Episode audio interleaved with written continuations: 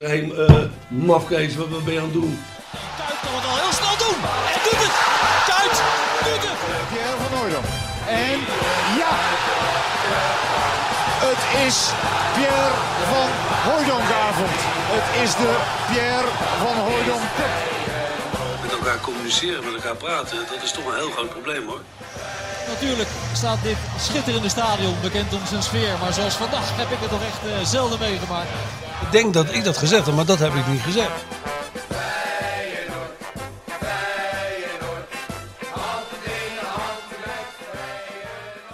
Seizoen 1, aflevering 8 van de Dik voor elkaar Feyenoord podcast. Het baken van hoop in, uh, in moeilijke tijden. Voor ons ook moeilijke tijden, want we zaten even in de war. Want waar moeten we nou gaan, uh, gaan zitten? Maar gelukkig heeft de bestseller-auteur zo'n goede band met de huismeester. En, en dito bonnetje dat we hier gewoon toch mogen zitten. Ja, nou daar hoefde, hoefde ik niet veel moeite voor te doen. Want uh, de mannen van de huismeester die, uh, die kwamen daar zelf eigenlijk mee hoor. Ik was hier de laatste dag dat de horeca nog open was. Dacht ik van toch even om de jongens een hart onder de riem te steken. En ook omdat ik een beetje dorst had. Dacht ik ik ga nog even langs. Toen kreeg ik trouwens de schrik van mijn leven. Want toen kwam ik hierboven op onze plek. Wat ik toch een beetje beschouw als onze plek. Van ons drieën en Dizzy. Ja, natuurlijk. En toen zaten onze grote vrienden van de Core Podcast aan deze tafel. Nee, toch? Ja, dus toen dacht ik, hier gaan een paar dingen fout. Het gaat, gaat niet helemaal goed. Nee. En die Bart Vriends heeft, on, heeft, ons natuurlijk sowieso al het hele weekend dwars gezeten. Dus da daar begon het al mee. Uh, maar ze zijn aardige gasten, joh. Ik luister er altijd naar. Ik vind dat ze, dat ze het hartstikke leuk doen. Maar toen kwamen we zo'n beetje te, te, te, spreken erover. En toen boden de, de boys van uh, de huismeester zelf aan om de deur voor ons speciaal te openen. Dus de zaak is uiteraard dicht. Uh, maar wij mochten voor, bij wijze van uitzondering hier nog even ons ding doen. Volgens mij heb je niet, ben je niet alleen bij de huismeester geweest. Volgens mij heb je wel een rondje gemaakt die laatste dag dat het nog even mag. Een kleine de... afscheidstournee langs de Rotterdamse horeca. Ja. Die mensen even een hart onder de riem te steken. Iemand moet het doen. Dus dat heb ik op me genomen die dag, ja. Ja, jij en Cor Pot. Ja, Cor Cor is ook nog eventjes een, een route genomen langs, ja. langs verschillende etablissementen. Om inderdaad nou, nog net goed, even dat hart onder de riem. En dat is toch, dat is toch gewoon wel belangrijk. Dat, dat is ook een beetje zijn gebeurt. functie. Hij is niet alleen assistenttrainer. Hij is ook ambassadeur van de Rotterdamse horeca. En uh, ik vind, ja, ik kijk, maar ik heb een goed excuus, want ik woon hier vlakbij. Dus ik loop hier gewoon heel vaak, omdat, ja, dit is, omdat het stad toch een beetje begint stil te vallen. Is dit uh, de meent uh, waar we nu zijn, is, is, is toch nog een beetje een stukje van Rotterdam waar nog een beetje leven is. Ja. Dus vandaar. Ja, winkels zijn wel open. Het is een beetje apart, ja, als je door Rotterdam nu loopt. Dat het, ja. ja, een beetje surrealistisch. Ja. ja. Dat was het eigenlijk zondag ook wel. Ja. Als je het vergelijkt met, met een week eerder. Hè? Ja, inderdaad. Zo dik voor elkaar was het niet, de derby. Heb je, heb je nog zitten kijken? Ja, uiteraard heb ik zitten kijken. Analyserend? En, en, nou, er viel, er viel niet zoveel te analyseren. Hè? Ik, vond, ik bedoel, ik denk dat ik saaie wedstrijden erger vind dan slechte wedstrijden. En ik vond dit echt heel saai gewoon, dat, dat, dat, dat tempoloze gedoe. Er kwam geen eind aan, hè? Nee, er kwam geen eind aan. En dan denk je ook, dan word je ook wel geconfronteerd met, uh, weer met die corona. Dan denk je bij jezelf, wat is het toch zonde, weet je wel? Zo'n zo'n zo'n leeg stadion bij zo'n derby. Dat is echt hartstikke jammer. Ik denk echt dat het ook een negatieve invloed heeft gehad op, uh, op alles. Dus uh, ja. Ja, maar ik, met 40.000 man is het nog steeds slecht. Ja, het is nog steeds geeft het toch wel een ander beeld. Ja, en, en ik, denk, ik denk serieus dat het, dat het publiek invloed heeft op zo'n wedstrijd. Dus uh, dan, was het, dan was het misschien anders, uh, wel heel anders gegaan. Maar, uh, dus ja, die wedstrijd daar heb ik nog niet zoveel van genoten. Kijk, een ik enorme Sparta-supporter zet naar koffie neer met een, ja, met, is, met, een, met een big smile. Je loopt heel de, heel, de, heel de dag al met een big smile. Hè? Die, die woont hier aan de meet, die heeft speciaal voor ons die deur open gedaan. Dus hij, hij mag gewoon over Sparta zeggen vandaag wat dat hij is wil. Waar, ja, het valt mee dat hij geen Sparta-shirt heeft. Ja, maar, ja, ja, ja, ja. Maar uh, dus, nou ja, goed. Ik heb, ik heb, uh, ja, je probeert er toch iets, iets, iets ergens van te genieten. Ik, ik heb wel weer, me, ja, op een bepaalde manier genoten van de naamgever van deze topshow. Advocaat. Het blijft toch een, uh, als je er zo van, als televisiekijker naar kijkt, een, een onvoorspelbaar mannetje wat dat betreft. Want het, zo ontspannen als hij voor de wedstrijd ook was. Een beetje flirten met Helene Hendricks. Een beetje korpot erbij roepen. Ik, ja, op zich, ik ben er wel voorstander van hoor. Als dat, dat hele overspannen gedoe een beetje wegvalt. Maar je verwacht dat niet bij advocaat. En ik vond hem na afloop, juist vond ik hem weer opvallend mild ook over zijn eigen ploeg. Met name die opmerking dat hij zei van... Uh, tegen iemand van Rijnmond, geloof ik. Van uh, ja, uh, we moeten niet verwachten dat Feyenoord elke wedstrijd wint. Nou, dat heeft volgens mij ook nog nooit iemand gezegd. Maar we mogen toch wel verwachten dat Feyenoord van Sparta wint, zou ik zeggen. Normaal gesproken wel, ja. ja toch? Maar ik denk dat de advocaat wel uh, beseft of de, weer heeft gezien wat het grote probleem, het grote manco van, van Feyenoord is. En dat is natuurlijk dat de, dat ze te weinig individuele kwaliteit hebben om dan zo'n eh, verdediging van Sparta uit elkaar te spelen. Het moet toch allemaal van Berghuis komen. Nou, die had het natuurlijk totaal niet. Nee. En als die het niet heeft, hebben ze een groot probleem. Als Teixeira dan een beetje tegenvalt, want dat is ook wel een speler met de techniek om, eh, om wat te kunnen forceren. Ja. Ja, dan is, wordt het helemaal een lastig verhaal. En ja, ze hebben natuurlijk ook geen spits die even vanuit het niks een goal kan maken. En dat was natuurlijk wel voorheen wel de kracht van Feyenoord. Hè? Of het nou Pelle was, of Kidetti was, of eh, wie ze daar ook allemaal hadden, hadden lopen. Ja. Weet je, dat was natuurlijk gewoon eh kopballetje, boom, goal. Ja. Dat helpt natuurlijk wel. En dat zijn wapens die ze even missen op, op dit moment. Ja, en dan kan het een keer voorkomen dat je ten eerste een draak van de wedstrijd speelt en ook gewoon nog eens niet wint. Ja, eh, advocaat is wel zo ervaren dat hij dan denkt, nou ja, dan maar een punt. Want dat had natuurlijk ook net, net zo goed nog op het einde even anders kunnen lopen. Dus dat de Bijlo nog bij de les was met een, eh, met een geweldige redding. Nou, knap was dat, hè? Als je zo'n hele dag niks te doen hebt. En je redt die ploeg nog even. Maar ik vond wel... ehm, ja, ik vond toch wel... Vond je het niet opvallend dat, eh, dat, eh, hoe, hoe rustig advocaat eronder was? Hoe gelaten bijna? Ja, of leek dat denk- nou maar zo? Ja, dat is het, leek het natuurlijk. Van binnen kookt hij toch. Hmm. Ja, Je, je kunt als trainer natuurlijk ook niet elke week hetzelfde trucje doen en uit je vel springen en, en, eh, en tekeer gaan. Ja, dat, dat prikken die spelers natuurlijk ook, ook doorheen. Ja, maar het, het, had, het elftal had toch ook een soort... lag toch ook een beetje in het deken van... Ja, weet niet wat het was. soort nou, lamlendigheid was het niet. Maar ook Jurgensen, weet je wel, hoe die erin kwam en hoe die er weer uitging. Hè? Dat wordt ook wel zielig, hè? Nu, dat- Ja, toch? dat, eh, ja, ja, goed, ja.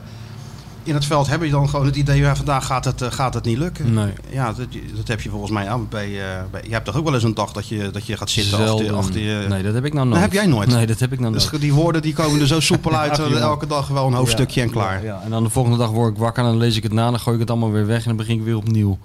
Maar, Maar dat konden zij niet. nee, dat konden zij niet daarom. Nee joh, dus ja, er was gewoon weinig van te genieten. Ik heb eigenlijk het meest genoten van de, maar dat doe ik al maanden eigenlijk, van de trainer van de tegenpartij. En ik ja. Ik weet niet waarom. eh, ik, hoor daar meer mensen over. eh. je voelt gewoon aan alles. Vind ik tenminste, maar ik ben benieuwd hoe jij erover denkt. Maar dit is gewoon de ideale nieuwe trainer voor Feyenoord. Dat past ja. gewoon. Dat, eh, dat- je voelt gewoon, je hebt, zoals je ook bij Feyenoord de trainers hebt gehad, waaraan je vanaf het begin al aanvoelde, dit past niet. Arie Haan, laten we zijn naam nog maar een keer noemen. maar je hebt er meer gehad. Eh, maar deze man, eh, dit voelt gewoon goed, vind ik. Omdat het, eh, ja, het komt op mij allemaal ook heel oprecht over wat hij doet en hoe hij praat. Maar wat, wat, Ja, dat vind ik ga, ook. ga ik daar te ver in? Nee of- hoor, dat vind ik ook. Het probleem is alleen dat bij Feyenoord dat gevoel beduidend minder heerst. Hij heeft natuurlijk in de opleiding gewerkt, Henk. Ja. Met wat probleempjes weggegaan. Ik weet nog wel dat toen dat speelde, toen trainde hij volgens mij A1 of onder 19. Ik weet niet hoe ze dat toen, eh, toen noemden. En Stanley Bart was dan eh, hoofdopleiding geworden. met de, de, via de, de link met, eh, met Wim Jans. En tussen, tussen Bart en, en Vrezen klikte het voor geen, geen meter. Mhm. Ehm, toen, moest, toen werd Vrezen weggestuurd. Ik ben toen nog naar een training geweest. En het was al heel apart. Dat, dat Vrezen gaf training. En om dat veld liep heel de tijd Stanley Bright rondjes. Oh ja? hij hem een soort beetje op zijn- bovenmeester. Ja, of alsof hij hem een beetje op zijn vingers keek. Ja, weet je? ja. En eh, uiteindelijk is, is, is Vrezen toen ook, eh, ook, weggegaan eh, daarna. Hmm. Met een toch verstoorde relatie die hij toen had met, met Bright. Daar heeft hij eigenlijk nooit wat over gezegd. Want zo is hij natuurlijk ook. Dus Ja. het blijft wel een beetje een mystieke man af Ja, en toe. ja, hè? Een ja, beetje ja. on- Ja, daarom. on- on- ondoorgrondelijk. Maar Ja, ik ja. weet zeker dat het hem wel, heeft, wel wat heeft gedaan dat hij toen, toen weg moest. Ja, en dat vanaf Feyenoord kant, dat dat ook nog wel een beetje, eh, een, een, beetje zo is. Hè? Dat is toch wel gek, want dat is natuurlijk een oud speler. En wat je Ja. zegt, hij ligt goed bij, eh, bij publiek, hij ligt goed bij media. Het is een... eh, En dat Feyenoord gevoel van hem, dat is echt. Dat Ja, is tuurlijk. oprecht. Weet je wel, dat zit heel diep. Dat komt, van, dat komt nog van zijn vader. Dat, hij heeft voor Feyenoord gekozen. Heeft hij wel eens gezegd, omdat het de club van zijn vader was. Weet ja, je wel. Dus, Sparta en- gezeten natuurlijk ja. nog. En, en Utrecht en Roda. Maar Ja. Feyenoord is ja, de club van zijn vader. Ja. Ja, en ehm, hij heeft zich altijd eh, volgens mij heel positief uitgelaten over Feyenoord. En hij heeft zich ook ontwikkeld. Ik bedoel, dan, het kan best zo zijn hoor, dat die, dat die relatie verstoord is, geloof ik gelijk. Maar je kan toch ook als Feyenoord eh, eh, zien dat die jongen zich ontwikkeld heeft en nog steeds ontwikkelt. Ik bedoel, je hoeft toch niet iemand voor een, een foutje of een, toe- een, een Nee. incident uit het verleden, dus hele Nee, zeker niet. eh, Nee, dat, vind ik, dat, dat vind ik ook. En Maar ik heb het meer het idee dat Feyenoord gewoon heel erg vastgeroest zit aan dat idee van Dirk Kuyt. Ja, en wie, ik er ook komt, eh, die valt gewoon bij voorbaat af. Maar wat is dat nou? Daar snap ik he- nou echt helemaal niks van. Ja, maar ik ook niet. Oh, Nee, we zijn gauw uitgeluld als, Ja. het, als het hierover gaat. Nee, ik snap er ook niks van. Kijk, Vrezen, Feyenoord is wat je ook terecht stelt, een club, daar moet je als trainer ook bij passen. ja. Het is heel gek. Het- je hebt, die chemie, chemie is er of die is er Ja. niet. Kijk, je moet bij Feyenoord geen Duitse uitvinder neerzetten Nee. die er een eh, Duitse enclave van maakt. Dat heeft geen enkele zin. Feyenoord is een aparte club met een aparte eh, cultuur. En dat is gewoon moeilijk te doorbreken. Gert-Jan Verbeek heeft het geprobeerd en dat is, dat is niet gelukt. Nee. Dus het is, het is ook heel moeilijk om dat eh, Dat te... moet ook helemaal niet doorbroken worden. Nee, dat moet ook helemaal niet doorbroken worden. Je moet gewoon doen op de manier zoals, de, zoals het bij de, bij de clubcultuur past. Ja, Vrezen past daar natuurlijk perfect in. Ja. Dus ik snap eigenlijk ook niet waarom dat, eh, waarom dat een probleem zou, eh, zou moeten zijn. Ja, en bovendien, hij brengt natuurlijk ook weer dat verleden als, als speler met zich mee. En ja, jij hebt hem meegemaakt. Ik heb hem meegemaakt als, eh, als, als speler. Ja. Nee, ik vond het altijd Het een was- hele fascinerende Het- een beetje mystiek. Kijk, bij de John de Wolf, en dat was wel grappig, want in het Algemeen Dagblad stond een dubbel interview met die twee. Ja. En ehm, ik heb ze wel eens een keer samen geïnterviewd voor een of andere businessclub. Dat was, Mhm. ook, eh, dat was ook een feest. Kunnen we misschien later nog wel even over, straks misschien nog even over hebben. Maar het is wel grappig het verschil. Hè. John is een beetje, ah, een beetje outgoing. Je, Ja. je weet precies wat je krijgt. En Vrees heeft toch altijd een beetje dat mystieke over zich. Hè. Die laat nooit het achterste van, eh, van, van, van, zijn, van zijn tong zien. En als speler was dat eigenlijk ook al zo. Eh, als je de spitsen van vroeger eh, sprak, dan waren ze, eh, speelden ze niet graag tegen John de Wolf. Dan kregen ze, een- konden ze gewoon, kregen, hè, kregen ze gewoon eh, vanuit het niets wel eens gewoon een, eh, een schopje of zo. Maar dan wisten ze dat hij, dat hij eraan kwam. Ja, en bij Henk was het toch, toch altijd wel. Dat kon vanaf een of andere moment. Ja, het was eh, totaal onvoorspelbaar altijd. Hè. Was gewoon het en, bij, en bij hem was natuurlijk ook altijd het verschil zo groot tussen buiten het veld en in het veld. Buiten het veld een hele een jongen die met een, met een zachte stem, die heel ja, altijd beleefd en aardig en wel doordacht en zo. En dan in het veld een beetje wat, wat Israël maakt eh, vroeger ook had. Ja, en onberekenbaar gevaarlijk en zo. En, en de Wolf was natuurlijk ook veel meer gewoon hard erin kleunen. Wel af en toe een geniepigheidje. Maar Henk was echt van de kamikaze acties. Hè? ja. Er gewoon opeens was, the brandde, brandde er iets door in die hersenpan en dan was het gewoon klaar. En dan- wat ik ook altijd mooi vond, dat het heel vaak was, eh dat kon zelf veel incasseren, maar waar hij niet tegen kon, dus als, als het Taument of Blinker aanpakte, dan was het altijd eh, dat Henk eh, zo'n seintje gaf van laat mij maar even. En dan hoorde je vijf minuten later hoorde je ongeveer de ambulances op P1 al eh, in actie komen. Ik kan me, volgens mij was het tegen, maar ik weet het niet zeker hoor, maar volgens mij was het wedstrijd ooit tegen Fortuna Sittard of zo, dat hij ook een, een krankzinnige overtreding maakte die ook iedereen zag. En dat hij dat, dat vind ik altijd mooi als mensen dat doen, dan voordat de scheidsrechter überhaupt gefloten heeft, zelf al richting uitgang lopen. gewoon liepen, ja. Maar dan had iemand dat eh, kennelijk verdiend, weet je wel. En eh, ja, dat zijn natuurlijk wel ook... Die verhalen die gaan natuurlijk ook een steeds mythische status aannemen. Maar ja, je hoorde natuurlijk vroeger al wel die verhalen van dat, dat Feyenoord in de, eh, dankzij die boys in de, in de spelerstunnel al met 1-0 voor stond. Tuurlijk. Stonden, weet je wel. Daar hebben we het al eens een keer over gehad. Maar dat is, dat is natuurlijk wel zo. En vooral in Europese wedstrijden kwam dat niet slecht uit. Nee. Ja, en buiten het veld waren ze natuurlijk ook... die- ken je dat verhaal van John de Wolf en, eh, en, en Henk Vrezen? Dat ken je wel, denk ik, hè? Eh. Dat ze de, de- de- heen en weer werden natuurlijk altijd van die geintjes Ja, uitgehaald. de hele tijd. Ja. En eh, dus op een gegeven moment wilden ze een keer eh, Regie Blinker aanpakken. Hè? Want die, die zat altijd een beetje te vervelen en te klieren en zo. Dus, maar dat, het is niet zo dat ze even een, eh, een drol in de schoen stoppen. Nee, of, nee. Of een, of een stuur insmeren met, eh, met eh, massageolie. Nee, dat is dus een heel project van gemaakt. De Wolf en Vrezen. Met geloof ik Paul Noord dan ook nog in het Ja, in ja maar het begon, het begon eigenlijk andersom. Hè? Het begon ermee dat, dat, dat, dat... Volgens mij was het zo dat Fraser woonde vlak bij de Wolf. En, en, en Blinker, was, eh, Blinker was op bezoek. En toen hebben ze besloten om in de tuin van de Wolf wat vuurwerk af te steken. Maar niet een beetje vuurwerk. Ongeveer Ja, dat ja. nationale vuurwerk wat ze bij de Ja, Rasmus... omdat de Wolf eerder natuurlijk eens een strijker in door de kleedkamer binnen dat, soort, gegooid. dat soort Ja, onzin allemaal. ja, ja, En ja. dat eindigde er uiteindelijk mee dat, dat Henk inderdaad naar, eh, naar, naar de Wolf is gegaan en heeft gezegd: we moeten die blinker terugpakken. En toen, ja, wat Toen hebben ze gewoon een soort filmscenario gemaakt. Dan hebben ze dus eh bivakmutsen ge- hebben ze gekocht. En allerlei attributen die je bij een, eh, een zogenaamde overval zou eh, Ja. verwachten. Met Paul Noord dan volgens mij in, in het complot. Die was dan Ja. bij, bij Blinken thuis. Nou, toen zijn ze op een avond... Volgens mij heeft Noord, ik, hoe het precies zit weet ik niet, die heeft volgens mij gezorgd dat de deur op een kiertje stond. Nou, en toen, toen werd Blinker ineens overvallen door gemaskerde ja, maar mannen. die heeft ze volgens mij opgesla- opge- opgesloten in de, in de slaapkamer. Ja, ja, ja. En die riep toen volgens de, de- volgens de overlevering, maar Regie zelf ontkent dat, maar die riep toen: Kijk uit, ik kan karate. maar eh, dat, liep, Nee, dat, toen- dat liep helemaal uit de hand. Ja, nee, want ze hadden zo'n neppistool op zijn hoofd gezet. Ja, en nu ja. gaan we je pakken, nu gaan we je Ja, pakken. En ja, het schijnt dat eh Regie ontkent dat, dat hij bibberend daar, eh, daar lag. En eh, En nou, uiteindelijk zijn ze dan weggegaan. Ja, maar het was, ook, het, was, het was ook zo dat regie... Hij was in eerste instantie niet thuis. Wat Henk heeft wel eens verteld. Dat hij zei van, nou ja, we gingen hem dus er maar opwachten. Maar dat duurde best wel lang. En hij zei, daar raakten wij het een beetje door geïrriteerd dat het zo lang duurde. Dus in eerste instantie wilde hem gewoon laten schrikken. Nee, ze groeiden in de rol. Maar dat, na een uur dachten we, nou, we geven hem wel een klapje zo met de, met de vlakke hand. Maar toen hij na nog een uur nog niet was, en dachten ze, nou slaan we hem ook echt Ja, helemaal ja. in elkaar. Nee, daar hebben ze het heel serieus opgepakt, zeg maar. Kijk, en meestal is het, meestal is het voetbalhumor. Dat is eh, sinds dat eh, Wim Suurbier zijn lul in de kippensoep hing en aan het KNV KNVB-bestuur serveerde, is er weinig ontwikkeling in die toestand. Het is een beetje wat jij zegt. Het Ah, is maar altijd dit, dit, dit plassen in de, in de hogere Dit was hogere school. Dit is, dit, is, dit is next level. Dit is Champions League. eh, Maar dat hij dan ook zei, en nou we pakken je en dit en dat. En dan waren ze eindelijk weg. En die, die blinker had zich onder het bed verstopt en had toen geroepen... Paul, Paul, zijn ze weg, zijn ze weg. Ja, ja, ja.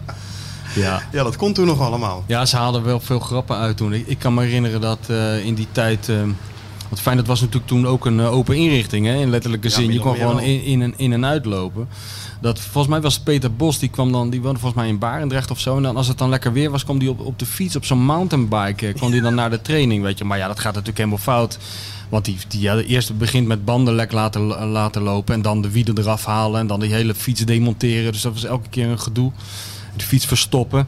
En eh, toen, hadden ze, toen dacht hij slim te zijn. Toen had hij een heel groot fietsslot, zo'n kettingslot meegenomen. Toen had hij die fiets binnengezet aan de verwarming of zo. zware, Dat is een heel ja. zware slot. Maar in die tijd eh, nam Willem van Hanegem, zijn kinderen waren toen eh, nog jong. Die nam wel eens die, jongen, die jongetjes mee, weet je wel. En die reden dan op een soort driewieler daar een beetje rond die kleedkamer. En toen hebben die spelers een keer, terwijl Bos eh, onder de douche stond, het sleuteltje uit zijn zak gehaald. En toen hebben ze die... toen hebben ze een truc uitgehaald en toen hebben ze tegen Bos gezegd: Ja, er is, er is een probleem met je fiets. En toen zeiden ja, nee, ik ben het nou echt helemaal zat, het gedoe met die fiets van mij. Toen zeiden ja, maar dit is echt heel gek, want het ding is opeens gekrompen. En toen gingen ze kijken en toen hadden ze die driewieler van het zoontje van Hanegem aan dat grote kettingslot gezet. En die fiets die was weer in 87 onderdelen in de, op, in de kuip verspreid, weet je wel. Ja, eh, Maar ja, eigenlijk, we zitten er nou dat allemaal na te vertellen. Maar ehm, ik weet niet of je er nou wel heel veel mensen plezier mee doet. Want eigenlijk, dit is wel een categorie humor die eigenlijk alleen maar leuk, leuk is als je ernaast staat. Om Dus je, nou- vindt het, je vindt het niet grappig dat de Mm. Wolf en, eh en Witsche elke dag als eh, John Metgod in de kleedkamer zat, zo'n plastic, eh, eh, zo'n lekker plastic bal door midden knip- knipte en dan allebei een helft op hun hoofd Ja, zette. dat vind ik eigenlijk wel heel grappig, ja. Ja, vooral als je dat ijzeren heinig de hele dag volhoudt. Ja.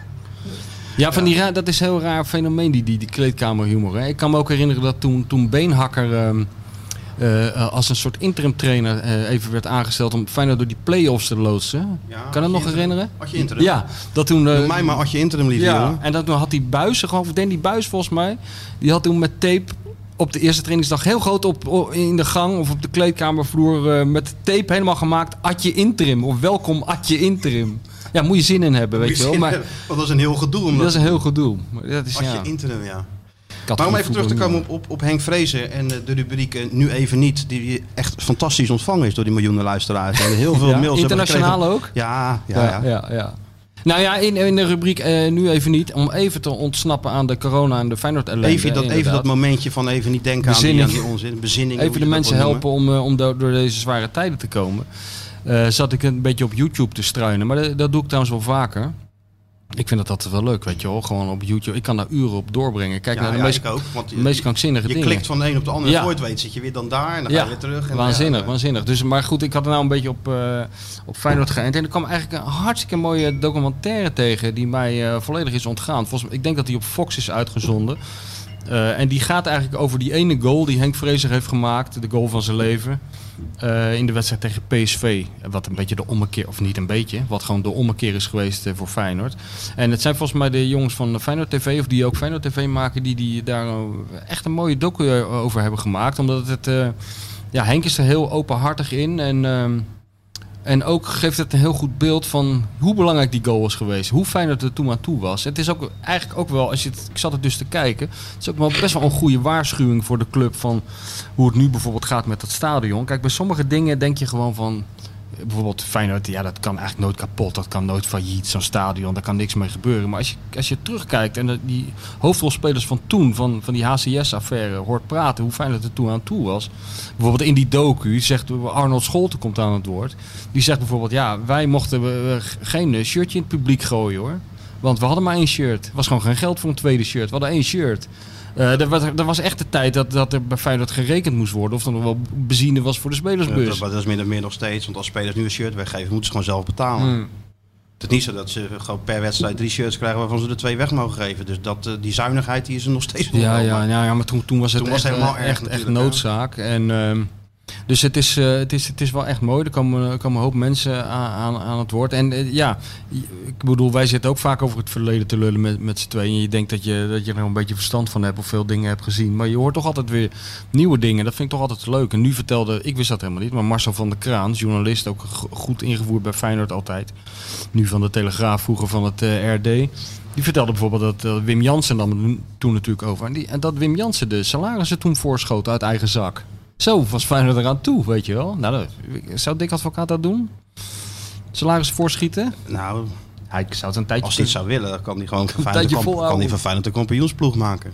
Ja. Nee, maar Dat, ik eh, vond, ik vond het nee, wel... ja, dat eh, is ook wel zo. het Je is- het vertelde toch ook dat die, dat die lunches of die diners Ja. bij die Europa toch ook gewoon betaald door Van de Herik en Ja, eh, Lundqvist en, en, Van Dat het zo- om en om.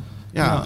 zo kwam Splinter de winter door in die, in die, in die, in die periode. Ja, Maar die goal onvoorstelbaar. is inderdaad wel een, een, een, een omslagpunt geweest. Ik kan me die wedstrijd ook nog wel herinneren. Dat, het toen, dat ze toen wonnen wat niemand eigenlijk had verwacht. Nee, Dat, nee, eh, Feyenoord ging er met de dood in zijn lijf naartoe. Feyenoord had eh, dat seizoen eh, al met 6-0 van PSV verloren.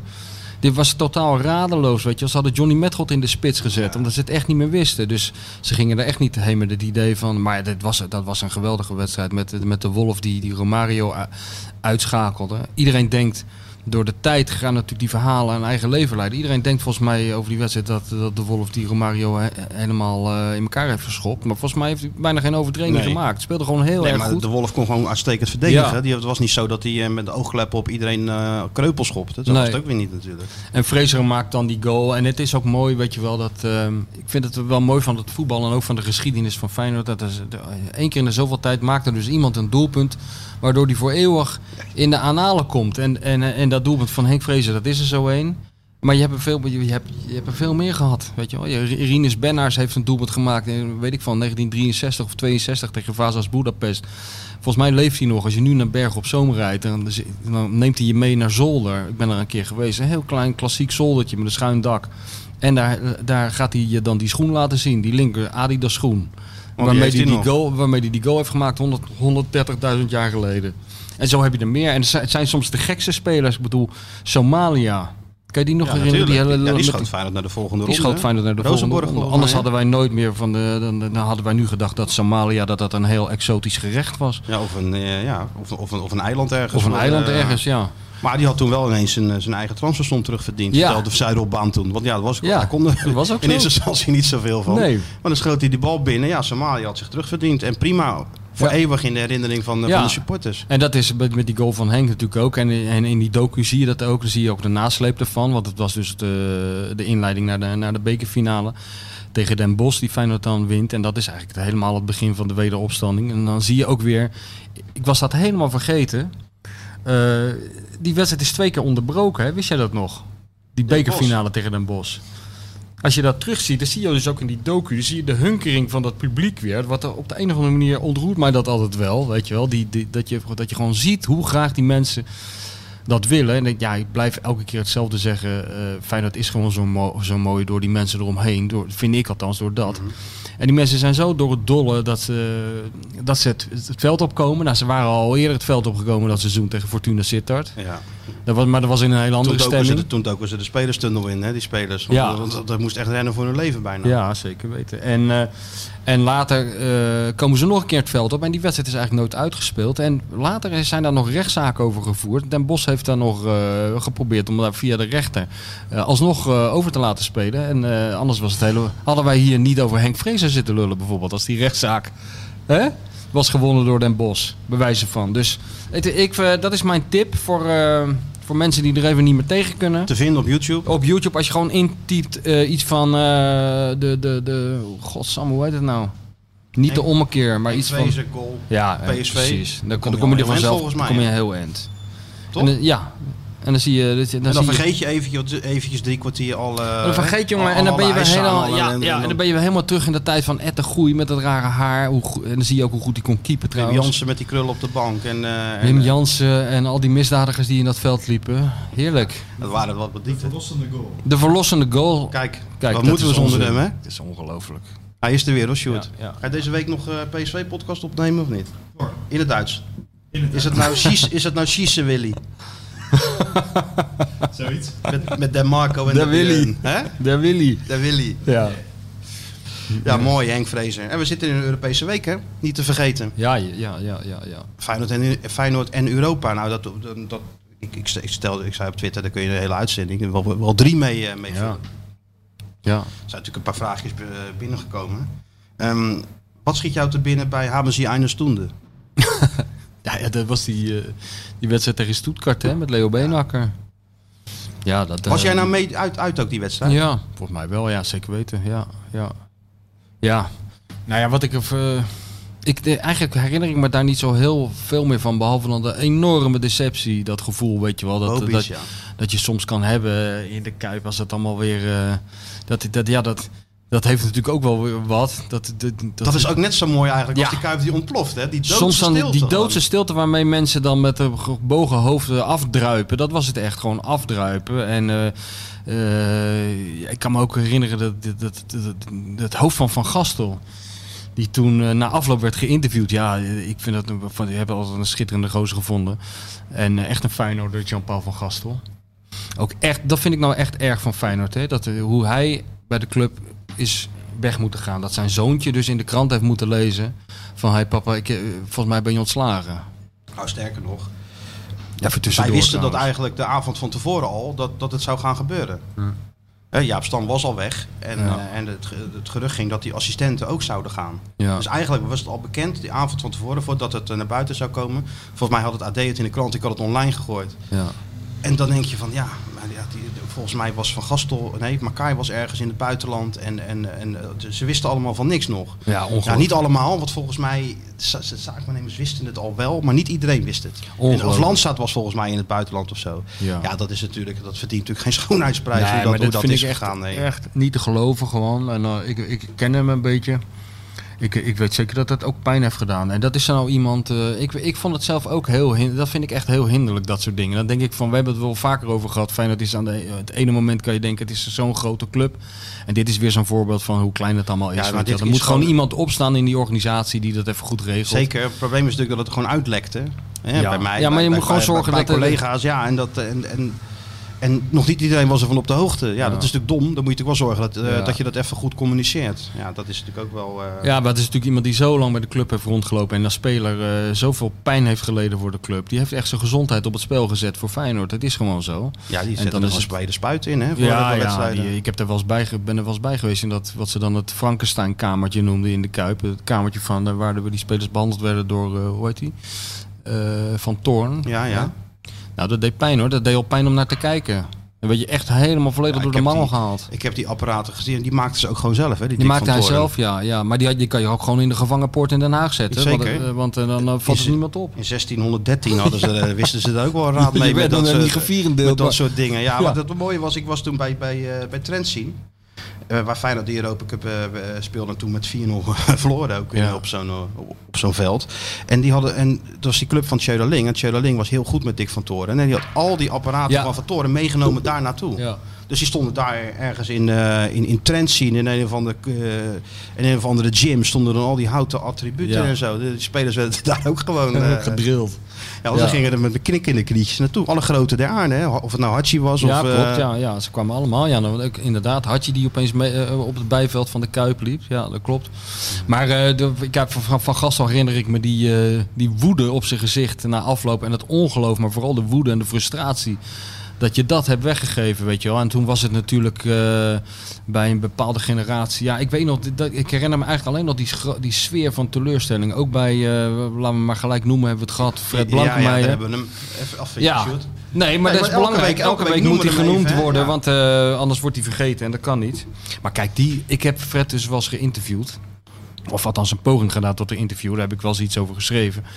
Ik heb daar ook, daar heb ik hele dier. Ik heb eigenlijk meer dierbare herinneringen aan een mislukt interview. Dus met hem dan aan alle gelukte interviews bij elkaar. Want eh, hij liet zich helemaal niet interviewen. Hij vond dat allemaal veel te, veel te veel van ijdelheid getuigen. Maar ik ging met hem praten over zijn leven. En eh, toen, hij vertelde dus dat zijn vader is in de oorlog omgekomen. Hè. Die is getorpedeerd eh, op zee. En, en toen zei hij tegen mij... Ja, dat is wel belangrijk. De rest vind ik allemaal een flauwekul, zei hij. Maar dat is wel even belangrijk, jochie, dat je dat even goed noteert. Ik heb een teringhekel aan die moffen, zei hij. Dat is, Ja. wel, dat is wel even belangrijk. Hij was niet de enige die... eh, Nee, en eh, nou goed, eh, dat, dat heb ik er uiteraard ook ingezet. En aan hem zag je wel echt de pijn van hoe dat toen is gegaan met, tegen Stuttgart. Maar goed, nu is het teruggebracht Ja, maar tot, die, tot ene ook- opmerking. Zo behandelden die de Duitse journalisten ook allemaal Ja, ja. Of als ze uit Oostenrijk kwamen al. Ja, Herr Rampel, hoe is Herr Rampel? Weet je wel, heel streng en zo. ja, ja, ja, ja. Dat echt, eh, ja. Ja. dat zit er gewoon nou eenmaal in. Ja, Van Hanegem had dat natuurlijk ook Ja, heel lang. had het ook. Ja. En ik denk dat, eh dat Beenhakker, die toen trainer was, dat zal hem ook extra pijn hebben gedaan. Eh, in die wel, generatie leefde dat gewoon. die nog. was Kijk, nu is dat een beetje weg, hè? Bij de jongens van nu. Nu is dat, dat, dat, dat- en dat is ook maar goed ook, dat anti-Duitse sentiment. Is- nu ja, slaat helemaal nergens Als ik door. Duitsland rijd, denk ik zo, dat is prettig. Ja, Lekker doorrijden en ja. allemaal gedisciplineerd en, en, en, hoffelijk ook. Precies. Maar toen liep er nog een generatie die had wat andere associaties. En dat, dat, deed extra, extra pijn. Maar was jij er ook bij? Ik of was niet? er ook bij, ja, ja, Freddy. Bobic. Ja. Dus ik, wat, ik me van die wedstrijd herinner, was inderdaad die, die doodse stilte naar die Ja. 0-3. Ja. Dat je dacht, maar je, ziet ook, onvoorstelbaar. maar het, het- je denkt van, het gaat gebeuren. Ja, het gaat, je voelt het Je dan voelt aan. ja, dat is ook. Ik dat vraag me ook of, of je dat. Dat zou je bij andere clubs ook wel hebben. Maar daar heb je ook weer het idee van dat het dan bij Feyenoord dat onheil wat je voelt naderen.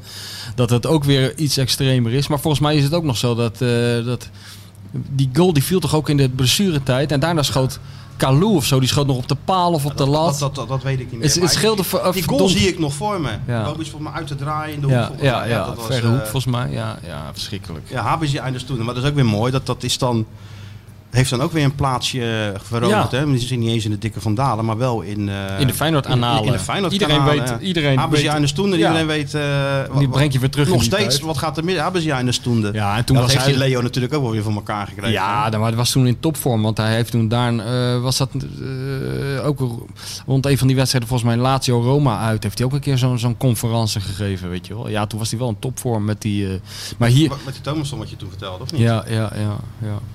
Maar goed, Stuttgart, dat is nou niet de Europa Cup wedstrijd waar ik met, eh, Nee, vaak aan terugdenk of zo. vraag, is, eh, Ja. een, eh, Ja, ja, nee, wij, wij de- dienen ook ons eh, luisterpubliek. Wij zijn slechts dienaren. Dat is wat we doen. Een andere vraag is wat, eh, jou, wat voor jou de meest bijzondere plaats is waar je bent geweest met Feyenoord in, eh, in Europa. Eh, meest- nou, eigen, eigenlijk is het waar, ja, wat mij altijd te binnen schiet als ik denk eh, aan, aan Feyenoord en Europa. Dat, dat is dat ik een keer, helemaal aan het begin eigenlijk, een keer mee ben geweest. Dat was de eerste keer dat ik zoiets deed. Naar een eh, trip om de tegenstander, te, de Europese tegenstander te bekijken. En dat was toen Feyenoord speelde tegen FC Dak Lipaja. Ja, een ja, of ander veredeld amateur elftal, althans zo kwam het over, uit Letland. En toen ben ik met eh, Hans Hagelstein, de manager, en met Geert Meijer, de assistenttrainer, meegegaan naar Riga. Om dus een keer te zien hoe dat eh, ging en de voorbereidingen eh, te treffen en zo. Dus Hans Hagelstein die ging dan eh, naar de enige twee hotels eh, in de buurt en kijken of het bed eh, lang genoeg was voor het te groeien en dat soort onzin. En de. Geert, genoeg kamers waren. ja, dat, dat soort dingen. En, en Geert Meijer die ging dus de tegenstander bekijken. En ik kon mee. En we zouden worden gebracht door iemand van het, van het bestuur of een zaakwaarnemer, weet ik veel. En toen zijn we, zijn we dus in een of ander ongelooflijk krakkemikkig busje gezet en een bos ingereden. Echt, voor mijn gevoel, urenlang. En toen kwamen we dus smiddags om vier uur in een bos terecht. Er waren gewoon een paar bomen weggekapt en er was een voetbalveld neergelegd. Met, met, er waren eigenlijk niet eens tribunes, er waren een paar van die, van die staanplaatsen. En daar speelde dus de aankomende tegenstander van Feyenoord in een bos. En dat was om vier uur 's middags, omdat er helemaal geen lichtmast was. Dus moest voor de duisternis moest er eh, afgefloten worden. En eh, ja, dat was een beetje in mijn begintijd bij Feyenoord. En toen dacht ik wel van... eh, dit gaat er best wel amateuristisch aan toe voor een Europese wedstrijd. Maar die Geert Meijer nam het allemaal heel serieus. Er stonden daar gewoon twaalf mensen op de tribune... Van, van wie zeven alcoholisten die geen idee hadden... Wat, er, wat zich allemaal binnen die lijnen afspeelde. Maar hij ging heel serieus eh, aantekeningen maken met pijlen en dat soort dingen. En, eh, Ja, dus daar, daar denk ik eigenlijk het, eh, als eerste aan. Dat bos in Riga, waar Ja. ik toen dankzij Feyenoord ben Toen geweest. had Henk Evenblij in de krant Dahag Lipaya. Weet je ja, dat nog? Ja, dat weet ik allemaal nog, ja. Dat was natuurlijk, eh, dat was natuurlijk voer voor... eh, Ja. Maar eh, kijk, qua, qua voetbalsfeer denk ik dat ehm, de uitwedstrijd tegen, tegen Fenerbahce, eh de onder van Marwijk, in dezelfde week dat ze voor de Supercup Ja, ja, tegen Real Madrid speelden. dat Ja, Van dat Van Persie werd weggestuurd, ja. Dat vond ik ook wel eh, spectaculair. Omdat daar, ja, ik kwam nog over drie uur voor de wedstrijd in het stadion aan. Toen bleek dat hele stadion al vol te zitten. Met totaal krankzinnige Turken. Die al helemaal over de kook waren, drie uur voor de aftrap. Toen werd Van Marwijk bekogeld en. Het was echt spektakel was dat, man. En toen s'avonds ben ik er nog bij geweest in het hotel. S'nachts om één uur dat Van Persie werd weggestuurd. Ja, want die deed geen warming-up, hè? Die Wat deed geen warming-up en, die, en die hing een beetje, die vond het belachelijk dat hij niet speelde. En ik geloof ook dat hij de spelers niet feliciteerde. En dat nemen ze dan allemaal heel zwaar ja, op in het ze heel voetbal. serieus, ja. ja. En toen was na afloop in het, in het hotel, volgens mij dat het Hilton Hotel daar in Istanbul, was er dus op, het, de, op een soort dakterras. Was er een soort hoge overleg tussen Van Hooydonk en Bosveld en Van de Herik en de trainer. En toen kwam het hoge woord eruit eh, afreizen. En toen werd hij het vlieg- op het vliegtuig gezet. ja. En toen ging Feyenoord door naar... En toen heb Jan Zwart dat nog allemaal moeten, moeten, moeten Weg regelen. moeten Weg moeten moffelen Ja, nog ja, ja, ja. En ging zij, wat was de stap dat hij niet tegen de Real Madrid was het, hè? Ja, tegen dat, hij, Madrid. dat hij daar ja, niet tegen ja, het, ja. het grote Real Madrid met Zidane en weet ik het allemaal. Dat ja. was natuurlijk zijn straf dat hij daar niet tegen Ja, nou dat was ook wel een straf natuurlijk. een want het was, eh, was, was een bijzondere wedstrijd. Wat ik, wat ik me ook nog van herinner van die wedstrijd is dat er een groepje Feyenoord supporters eh, is geweest die met de trein naar Istanbul zijn gegaan. Die hebben, die hebben toen na direct na de thuiswedstrijd van Feyenoord op zondag hebben ze de trein genomen naar Istanbul. Een afgrijzelijke reis geweest van, eh, van weet ik veel hoe lang. En die zijn daar toen aangekomen en die hebben de eerste helft gezien. En die zijn toen in de rust, die zaten helemaal alleen in zo'n vak. Tussen allemaal totaal Verwilderde Turken. Verwilderde Turken. En, eh, en dat groepje is toen in de rust, of gedurende de tweede helft, vertrokken. Dus die hebben nooit het eind van de wedstrijd gezien. Om op tijd in Monaco te zijn voor die wedstrijd tegen Madrid, die ook verloren werd. En toen was de sodemieter van Monaco met de trein terug naar Rotterdam om de wedstrijd tegen weet ik veel wie, Roda, te zien. Ja, Ongelooflijk. ja dat, dat, dat vond ik altijd heel indrukwekkend, dat soort dingen. En als je dan aan die mensen vroeg van, waarom doe je dit? Dan zeiden ze, nou, omdat er iemand vliegangst heeft. Dus we konden niet met het vliegtuig. Niet van, ja, omdat we helemaal totaal krankzinnig zijn... en een beetje, een beetje doordraven in onze hobby. Nee, Nee, nee, nee. Gewoon we een vliegen. We, doen, we, een moeten, we moeten er toch zijn. we moeten er toch Als- zijn. Al moeten ze met paard en wagen, dan komen ze nog. Precies, ja. Dat is altijd wel mooi. Eh, Nog een vraagje van de, de niet zo bekende kunstenaar Eus Rover. Straks gaan we het nog even over hem hebben en over de, de, Ja. de, de honderden jaar natuurlijk. Ja. Maar die vraagt zich al of het nou jouw idee was om voor de wedstrijd tegen Werder Bremen Rudy Karel als eh, speaker eh, neer te zetten. Ik, ik moet je eerlijk zeggen dat ik dat eh, helemaal niet kan herinneren. Want ik heb, die wedstrijd heb ik gemist toen, eh, die beroemde uitwedstrijd eh, in Bremen. Toen was ik op reis eh, ergens anders voor. Dus eh, ik weet niet eens dat... eh, Er was voor veel supporters een soort van, eh, dat was wel wat, we Bremen uit hè. Dat was ja, gewoon, ja, dat, ja, ja, En ja. dat is natuurlijk ook zo. Er zijn wel een paar gekke wedstrijden tussen gezeten. Of het nou Bremen was, Düsseldorf, Nancy. Zo, Noem het nou. allemaal maar op hè. Dat was natuurlijk ook eh, Rome, niet te vergeten. Ja, weet je wat ik ook een hele indrukwekkende wedstrijd vond om bij te zijn? Eh, Ook vanwege de rol van het publiek.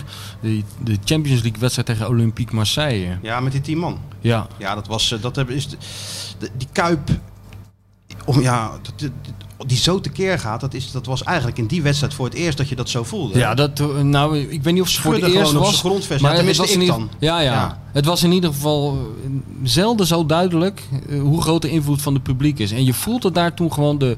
Om de van Wonderen kreeg je heel vroeg in de wedstrijd Ja, een onterechte rode kaart. En de verontwaardiging, niet alleen bij de spelers, maar ook bij het publiek, was zo groot. Dat je op de een of andere manier voelde je dus... eh Feyenoord gaat hier eh, niet verliezen.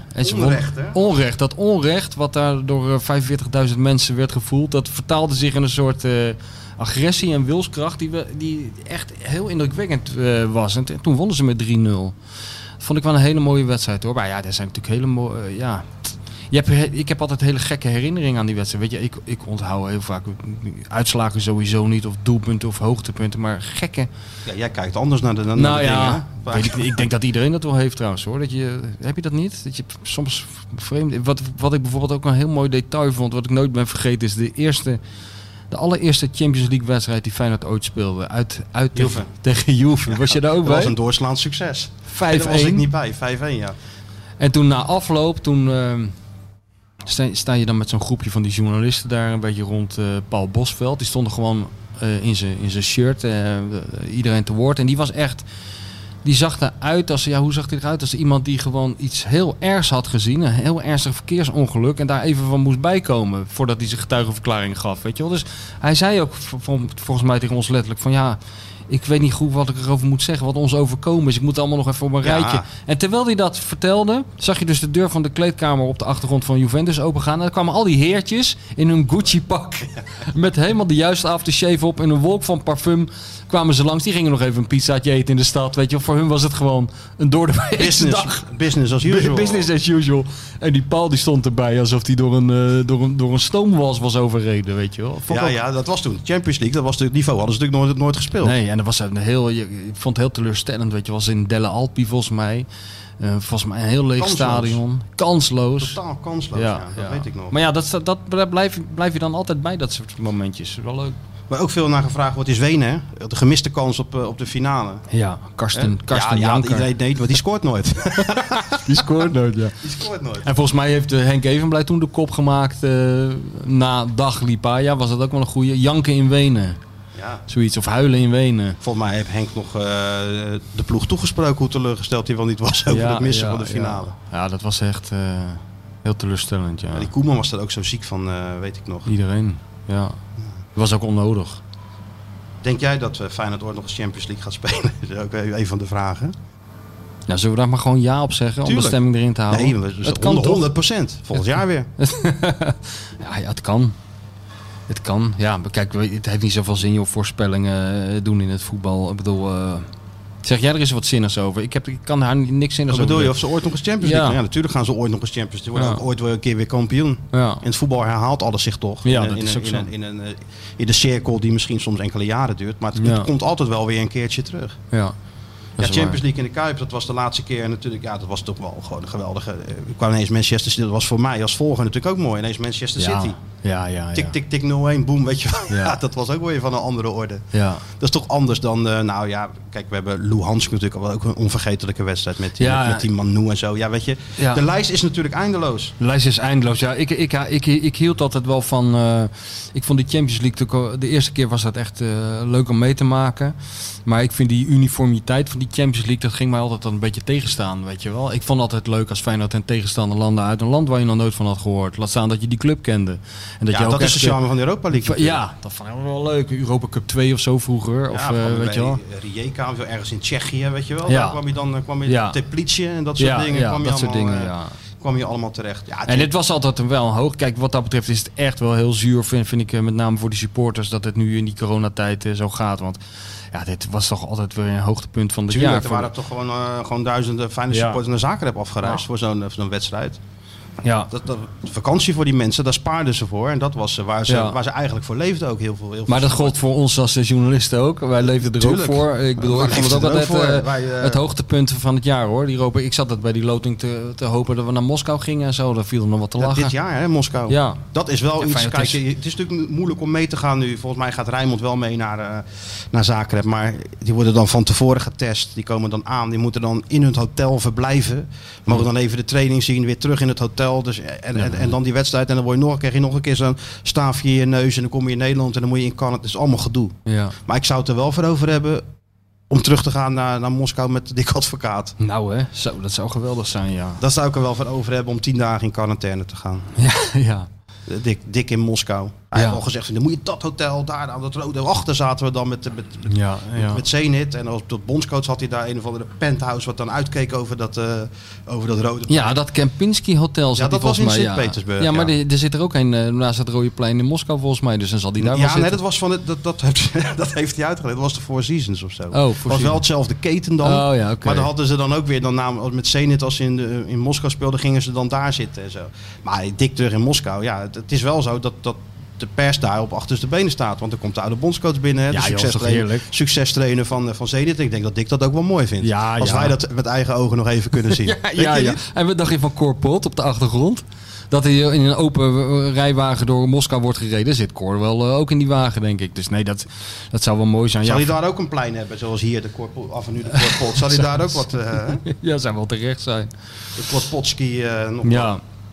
Nou, Feyenoord is vaak in eh, Moskou terechtgekomen. Hè? Dus eh, dit is altijd, eh, ja, het is altijd spectaculair Het geweest. werd toen een dag uitgesteld, hè? Ja, we zijn toch even memory lane, weet je. Dat ja, maakt nou kan wel zeggen, ja, de tijd opa, toch voor de mensen. vertelt. Ja, maar dat Ik is ga even volgende keer zo'n schommelstoel hier neerzetten en dan ga ik in zo'n gebreid vest met een pijp hier zitten. En, en dan- ja, dan gaan wij op een stoeltje ernaast zitten en dan vertel nog eens wat. Ja, vertel nog eens, ouwe. Nee, maar dat is toch ook wel even leuk voor de mensen in deze, in deze Ja, moeilijke ik periode. Die het willen, maar. die willen gewoon even terug in de tijd. Die gewoon. willen terug in de tijd. Oké, nou mooi. Is goed. Even kijken hoor, want eh, de nieuwe tegenstander, of de tegenstander, Dynamo Zagreb.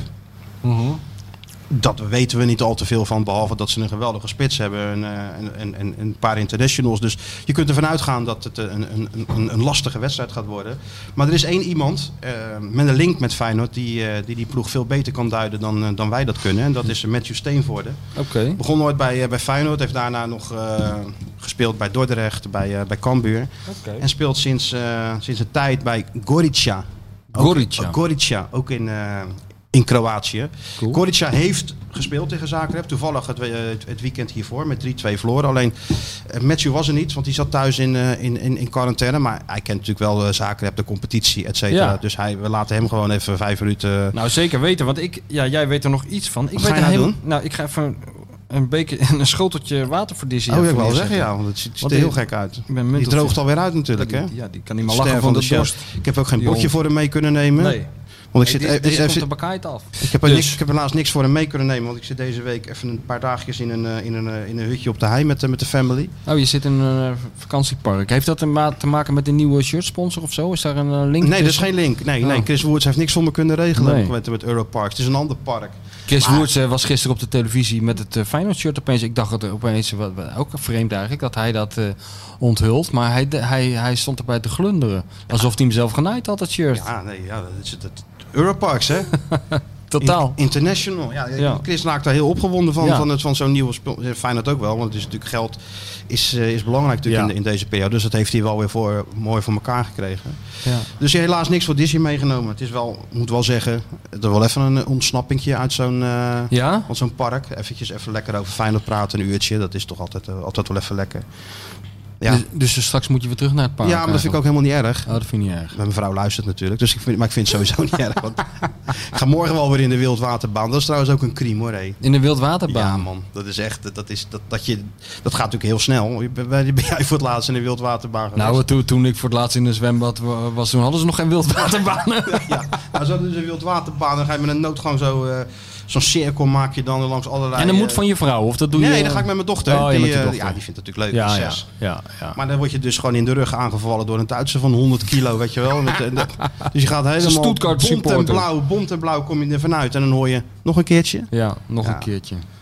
Dus Nou goed, dan zullen we deze podcast extra lang maken voor jou. Dan kun je nog eventjes, eh, hè, voordat je weer we een je, soort zomergasten van. je speedo aan moet. Maar we gaan het dus over Dynamo Zagreb hebben.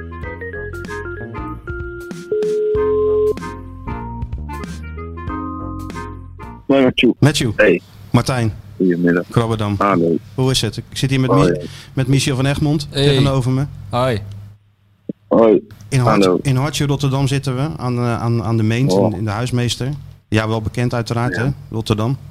ja, zeker. Dat mis ik wel een beetje. Dat, dat, kan me, ik kan me goed voorstellen. Eerst even, hoe is het met je? Want je hebt die wedstrijd gemist, hè? Tegen, tegen Dynamo Zagreb, waar we het straks over gaan hebben. Ja. Ja, zaterdag die wedstrijd gemist. Ik werd eh bekijken. Vrijdag werd ik ineens heel ziek. In, eh, na de training in de ochtend. En toen, eh, ja, met al die maatregelen mag je natuurlijk nu niet meer op de club komen daarna gelijk. Dus dat was wel balen. En toen, eh, gisteren heb ik een coronatest gedaan. En toen bleek ik ook corona te hebben. Jo, Dus op zich, de, de ziekte, ik ben er wel overheen. Want ik was wel twee dagen goed eh koortsig en hoofdpijn. Dat is nu wel gelukkig weg.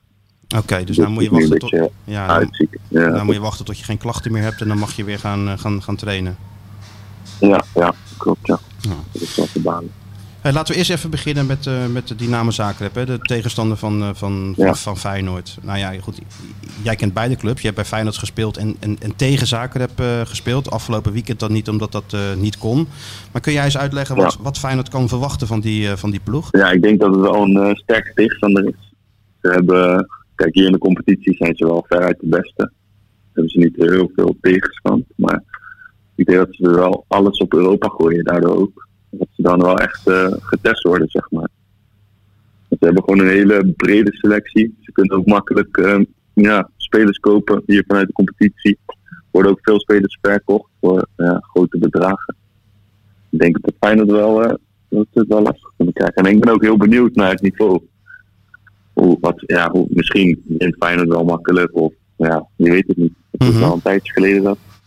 De laatste keer was denk ik toen ik zelf tegen Rijeka speelde met Feyenoord. Dat ik tegen een Kroatisch team speelde. Dat is wel een tijdje geleden al. Ja, kun je, die- kun je die spits nog herinneren? Ja, Kramaric. Ja. Ja. ja, dat is nou een topspits. En ze hebben er nou weer, dus, tenminste, Dynamo heeft ook een topspits, hè? Ja, ja. Ja, ze hebben die uh, Gavranovic Ja. en eh Petkovic. Petkovic vind ik zelf ook heel goed. Mhm. En die scoort wat minder. Die is heel goed aan de bal. Maar die andere, ja, die heeft er al eh, zeven inleggen in de competitie. Ja, Zwitsers International, hè, geloof ik. En die scoort aan de Ja, lopende ja. band. Ja. Wat, wat, wat is hun kracht? Is dat gewoon, eh, zijn ze aanvallend sterk? Of leunen ze juist op een, op een verdediging en counteren ze? Of? Nee, ik denk dat ze aanvallend heel sterk zijn. Ze hebben twee hele snelle buitenspelers. Die Orsic, die heeft ook een hele goede trap. ja, die neemt ook vrije, vrije trappen. Ja. En dan eh, nu hebben ze Castrati gehaald. Die speelde vorig jaar bij Lokomotiva Zagreb. Maar die is, ja, die is heel snel. En eh, ja, dan zo'n spits heb je Petkovic, die is heel balvast. Die laat zich een beetje inzakken. En die uh, Grafanovic, ja, dat is gewoon echt een afmaker. En middenveld is ook sterk. Ze hebben die nummer 10, dat is Maier. Een linkspoot. Die is echt heel goed aan de bal en tussen de linies. Goede trap, goede steekpaasjes. Dus ik denk dat hun kracht vooral in de aanval zit. Dus er wordt nog wat dan? Het is niet zo dat... ja, eh, het wordt een, wel een potje. Ja. publiek, er mag publiek bij, hè? Begrijp ik, in, eh, in, in Kroatië. Ja, ja. Het mag niet helemaal vol zitten, maar ja, er mag wel het publiek bij. Ongeveer een derde. Maar hier bij, bij Dynamo is het heel erg met de supporters heel raar. Zeg maar. In de competitie zit er bijna niemand. En toen, toen ze vorig jaar Champions League speelden, zat het elke Champions League wedstrijd helemaal vol. Ja. Dat kan nu niet. Maar ja, daar zijn ze een beetje in conclaaf met de, met de baas van de club. En het is allemaal een beetje corrupt vroeger geweest. Dus ze zijn een beetje boos, zeg maar. Mhm. Maar meestal in Europa, dan eh, zitten er wel wat meer supporters. Is het, is het een fanatiek publiek? Eh, Gaat dat nog een, een rol spelen, denk je, tijdens de wedstrijd? Ja, ja, dat wel. Zijn wel een beetje van die, eh, ja, die ultras, noem je Ja. dat? Een beetje met, eh, ja, zingen en dan met elkaar springen. Ja, zoiets. Maar ik denk, het is best wel een groot stadion. En als er zo weinig mensen in mogen, dan zou je er niet heel veel last van hebben, denk ik. Nee. En heeft, heeft Feyenoord nog een beetje een naam daar? Hoe, hoe, hoe is er daar eigenlijk gereageerd op, eh, op de loting en de koppeling aan Feyenoord? Ja, Feyenoord is natuurlijk wel een, een grote club in Europa. Die, ook, de, die jongens zijn mijn team en alles, die vinden het ook leuk, zeg maar, dat ze tegen Nederlanders nu gaan spelen. Hmm. Om, weer, om ja, gewoon te kijken hoe ze het doen. En vorig jaar hebben Dynamo, het- ja, ze zijn niet doorgegaan in de Champions League, naar de knockout fase, maar ze hebben het wel heel goed gedaan. Die pool was om, om de, ja, volgens mij de- in de laatste vijf minuten maakten ze een fout, waardoor ze niet doorging. Hm. Ja, we we waren meer een beetje teleurgesteld dat ze nu Europa League speelden dan, dan weer Champions League, zeg maar. Ja. Hey, en jij, jij volgt Feyenoord nog, neem ik aan, op afstand? Hoe, Ja, hoe, eh, ja. hoe, hoe, schat, hoe schat jij het in, de verhoudingen? Ik bedoel, wat, verwa wat verwacht je ervan? Ja, dat is lastig te zeggen, want ja, jullie weten het ook fijn. Het is de ene week eh, Ja. tegen Willem II waren ze heel goed en nu tegen Sparta was het weer wat minder. Misschien ook met Sparta te maken dat ze heel eh, verdedigend speelden. Dus ja, zo, ja ik, ben, ja ik, ben, ik laat me gewoon verrassen. Ik ben heel benieuwd die wedstrijd, hoe ze tegen elkaar gaan doen. Hey, hoe, bevalt het, uit. hoe bevalt het leven daar, eh Matthew, als voetballer in Kroatië? Ja, dus, eh, ik heb niks te klagen. Het is heel mooi hier. Ik zit, eh even kijken, tien, tien minuutjes, kwartiertje van Zagreb af van de stad. Ons, onze club ligt net tegen Zagreb aan. Gorica. Dus eh, ja, Gorica, ja. Het is een soort buitenwijk van eh, Zagreb. Mhm. Maar eh, in, de in de vakantie bijvoorbeeld, toen we wat vrij waren, ja, dan ga je hier gewoon een beetje langs de kust rijden. En dan uh, het is gewoon, het is echt een mooie vakantie dan. Ja, het is een prachtig land, hè? Dus, eh, ja, ja, ook als je uitwedstrijden speelt aan de kust, dan uh, ja, dat is hetzelfde met dat stadion toen in Rijeka. Prachtig Dat toen. zo aan Ja. de zee lag. Met die ja. rotsen, hè? Met die hebben nu wel een nieuw, ja, met die rotsen. Ze hebben nu wel een nieuw stadion. Op Oké. een berg hebben ze het nu boven, een beetje boven gebouwd. Maar het is wel echt mooi, ja. Oké, dus je hebt het goed naar je zin. En, en, en qua voetbal gaat het ook goed. Ja, want Corica doet het Ja, goed, hè? ja. ja, we staan nu tweede. Met, eh ja, Dynamo staat eerste. Dus we zijn goed begonnen, ja. We willen, wij willen ook voor Europa gaan eh, spelen nu. Dat zou mooi zijn. En dan jullie volgend jaar tegen Feyenoord. hè? ja, dat zou helemaal leuk zijn. Ja. Oké. Nou, we wensen je heel veel beterschap. Ja, beterschap. En, en bedankt voor, Ja, je, voor, je, voor, je, voor, je, voor je analyse van, eh, van We de- zullen het aan eh, Dick Advocaat doorgeven, deze informatie. Ja, maar Dick, lu- Dick, ja, maar Dick luistert hoor. Die- Ja, natuurlijk die- luistert hij. Wie luistert er niet? Ja, Daarom. hey, bedankt hè. Bedankt mensen. En succes hè. Succes. Doei doei. Ja, jullie ook. Hoi, hoi. Nee, maar Dick, Dick luistert. Dick luistert, ja. Tuurlijk, je luistert alles Of wat hij laat luisteren. Hij laat, eh, laat luisteren. Cor luisteren. Of, of Dat kan ook. een van zijn andere assistenten. Ja, ja. Dus dat wordt geen, eh, geen walk in the park, hè, begrijp ik al. geen makkie, nee. Geen makkie. nee. Maar we gaan het zien. eh. Maar ja, hij ook weer moeite om, om Feyenoord eh, in te schatten. Hè? Hij, hij zegt ook weer van ja, de ene week dit en de andere week dat. Dus Wie wel, zou je bijna zeggen. ja, nou hopelijk Dick. Dat zou wel leuk zijn als hij het een beetje in kan schatten. Daar zit hij namelijk voor. Ja, Dick, kijk, er komt heel veel op Dick aan natuurlijk in zo'n Europese wedstrijd. Hè. Dan is Dick op zijn best. Ja, Dick heeft toch gewoon zo'n bekertje gewonnen ooit natuurlijk in, eh, ja. in Sint-Petersburg. Wij, nog- wij moeten nog iets heel belangrijks eh, afhandelen. Ja, De Hondriaan. ja. Vertel jij maar eens even hoe het ervoor staat. Ik ga even voor, dat moet ik weer even in het draaiboek. Het geweldige draaiboek, wat ik gisteravond om eh, tien over half twaalf nog even naar jou stuurde. Ja. ja, maar ik zit er ook op zondag altijd even op te wachten hoor. Ja? Ik ga niet eerder slapen voordat dat ik het eh, hoor ping. En dan, eh, dan krijg ik dat hele document. En dan kan je gewoon helemaal slapen. Ja, ja, dan ga ik er even voor zitten. En dan denk ik even kijken wat hij nou weer in elkaar heeft geflanst daar. eh, terwijl hij in zijn speedo tussen allemaal hele dikke Duitsers een beetje op zo'n glijbaan zit. Krijg dat ja, beeld toch niet het- helemaal... Dan maalt het, dan maalt het krijg wel dat niet helemaal juist uit mijn hoofd, moment. Dan, dan gaat het maar tekeer in dat hoofd. Van wat zetten we nou allemaal in het draaiboek? Johan Derksen die is vroeger ook wel eens in zo'n park geweest. Hè? Heel vroeger. Dat heeft Marieke wel eens verteld. En eh, die, toen was ze hem kwijt. En toen bleek die, toen was het natuurlijk nog in zijn dikke periode. Toen, wa- toen was die klem komen te zitten halverwege die glijbaan. En toen waren er ook allemaal van die kinderen van boven gekomen in zijn nek. Toen had hij gewoon boem, eh, boem, boem, boem, boem. 17 van die kruisende kinderen. Totale opstopping. Ja, maar goed. We zijn met be- belangrijke... Ja, misschien Ja. wel een idee. De belangrijke zaken eh, des levens, de Hondriaan.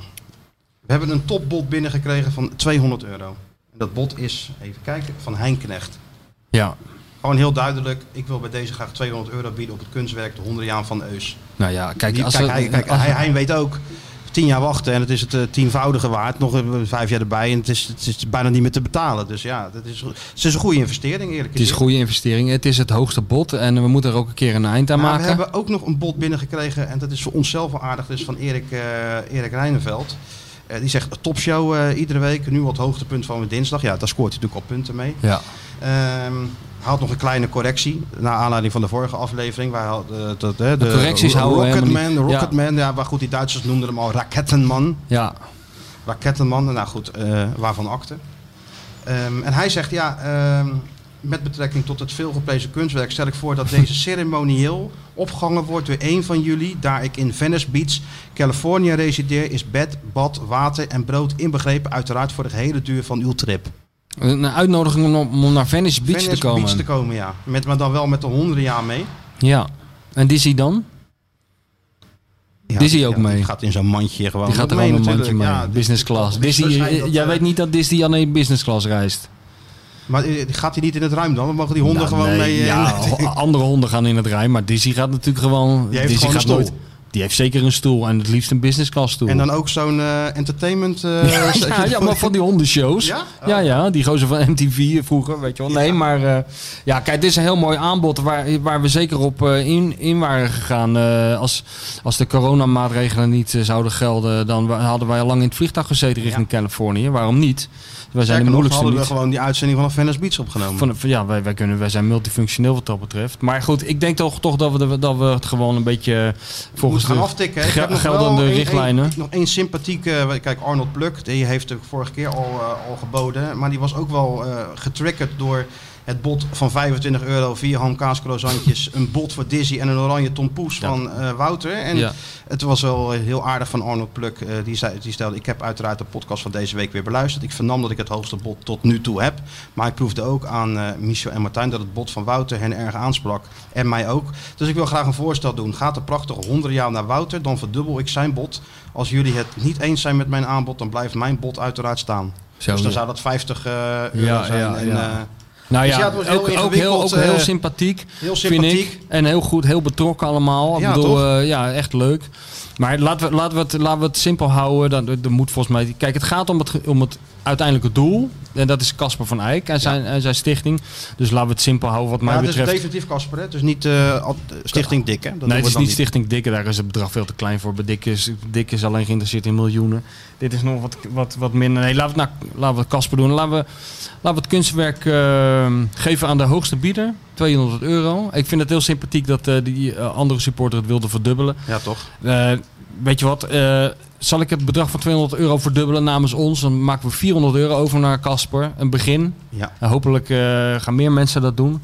En dan moeten we even kijken hoe we overgaan tot, Tot de, tot tot de overhandiging. Wat, wat mij betreft is, is deze man harte welkom, in de huismeester. Even, om even op te komen halen. ja, dat zou wel Ja, lekker nee, zijn. En anders verzinnen we iets anders. Dat gaan we in, eh, in gang zetten. Misschien even kijken of ik nog eh, thuis... Ik denk het bijna niet, want er zijn natuurlijk heel hard gegaan. Maar of ik nog zo'n pelletboekje voor de... Voor de eh, wat is het? Ik geloof niet dat ze er nog zijn. Ik vind dat, dat, is, dat is wel, ik bedoel, dan is, dan is het wel echt een schijntje. Wat er, ik bedoel, als er ook nog een pellenboek bij zit, gesigneerd ook. Nee, nee, maar voor die anderen. hè? Voor de, voor die, voor de, Oh, voor de anderen, ja, dat is een goed idee. omdat precies. natuurlijk zo hun best hebben gedaan om nog... ik ga Ja. ook kijken of er nog pellenboeken zijn. En anders was vast nog wel ergens... eh, We, we- we vinden wel een Feyenoord gerelateerd boek. Ik heb zelf ook nog eh, 27.000 boeken over Chris Guillan liggen die nooit verkocht zijn. nou, kijk aan. Dus eh, die kunnen we er ook bij doen. Want die gebruik ik nu als onderzetter thuis. Maar zoveel gasten heb ik nou ook weer niet. Nee, dus nee. Nou, daarom, dus we zullen een pakketje proberen samen te stellen. Ja. En we zijn heel benieuwd naar wat er aanstaande donderdag gaat gebeuren. En het weekend eh, RKC uit. Maar jij gaat, er dus, eh, jij, eh, jij gaat dus niet mee met Feyenoord naar... Nee, ik ga niet met Feyenoord nee. naar Zagreb. Dat heeft nogal wat, wat gedoe tot, tot gevolg. Ja. Met, die, met die testen dan weer in, in quarantaine. En Ja. ik ga hem lekker vanaf de televisie bekijken. In, Ook een gekke, dat is ook een tijd geleden voor jou, denk ik, dat je, dat je Feyenoord op tv hebt gezien. ja, maar ik heb vorig jaar, vorig jaar heb ik ook niet alle Europa Cup wedstrijden meegemaakt. Toen, zat ik, toen ze bij Porto uitspeelden bij, in Barcelona bij, bij Frenkie de Jong. heb ik toen nog op zo'n laptop zitten, zitten Oh, bekijken. ja. was ik steeds ergens anders. eh. dus, nou ja, dat heb je wel eens. Maar echt niet erbij zijn en van een was de tv bekijken. Nou, dat schept ook wel, kan je het op, bekijken. Ik ben benieuwd wie de commentaar geeft. Of dat nog een beetje eh, Ja. enthousiast wordt allemaal en zo. Dus we gaan het zien. Zondag Waalwijk.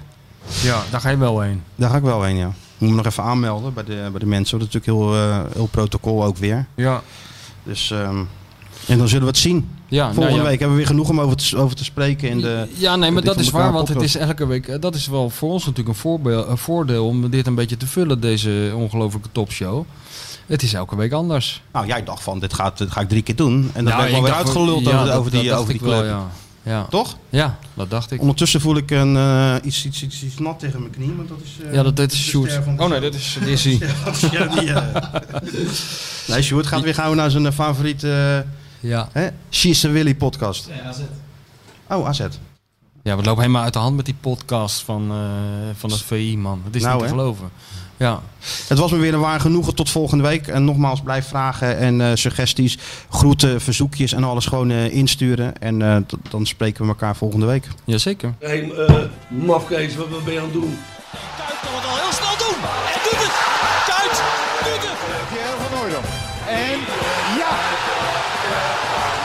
Het is Pierre van Hooydonkavond. Het is de Pierre van Hooydonk Cup. Met elkaar communiceren, met elkaar praten, dat is toch een heel groot probleem hoor.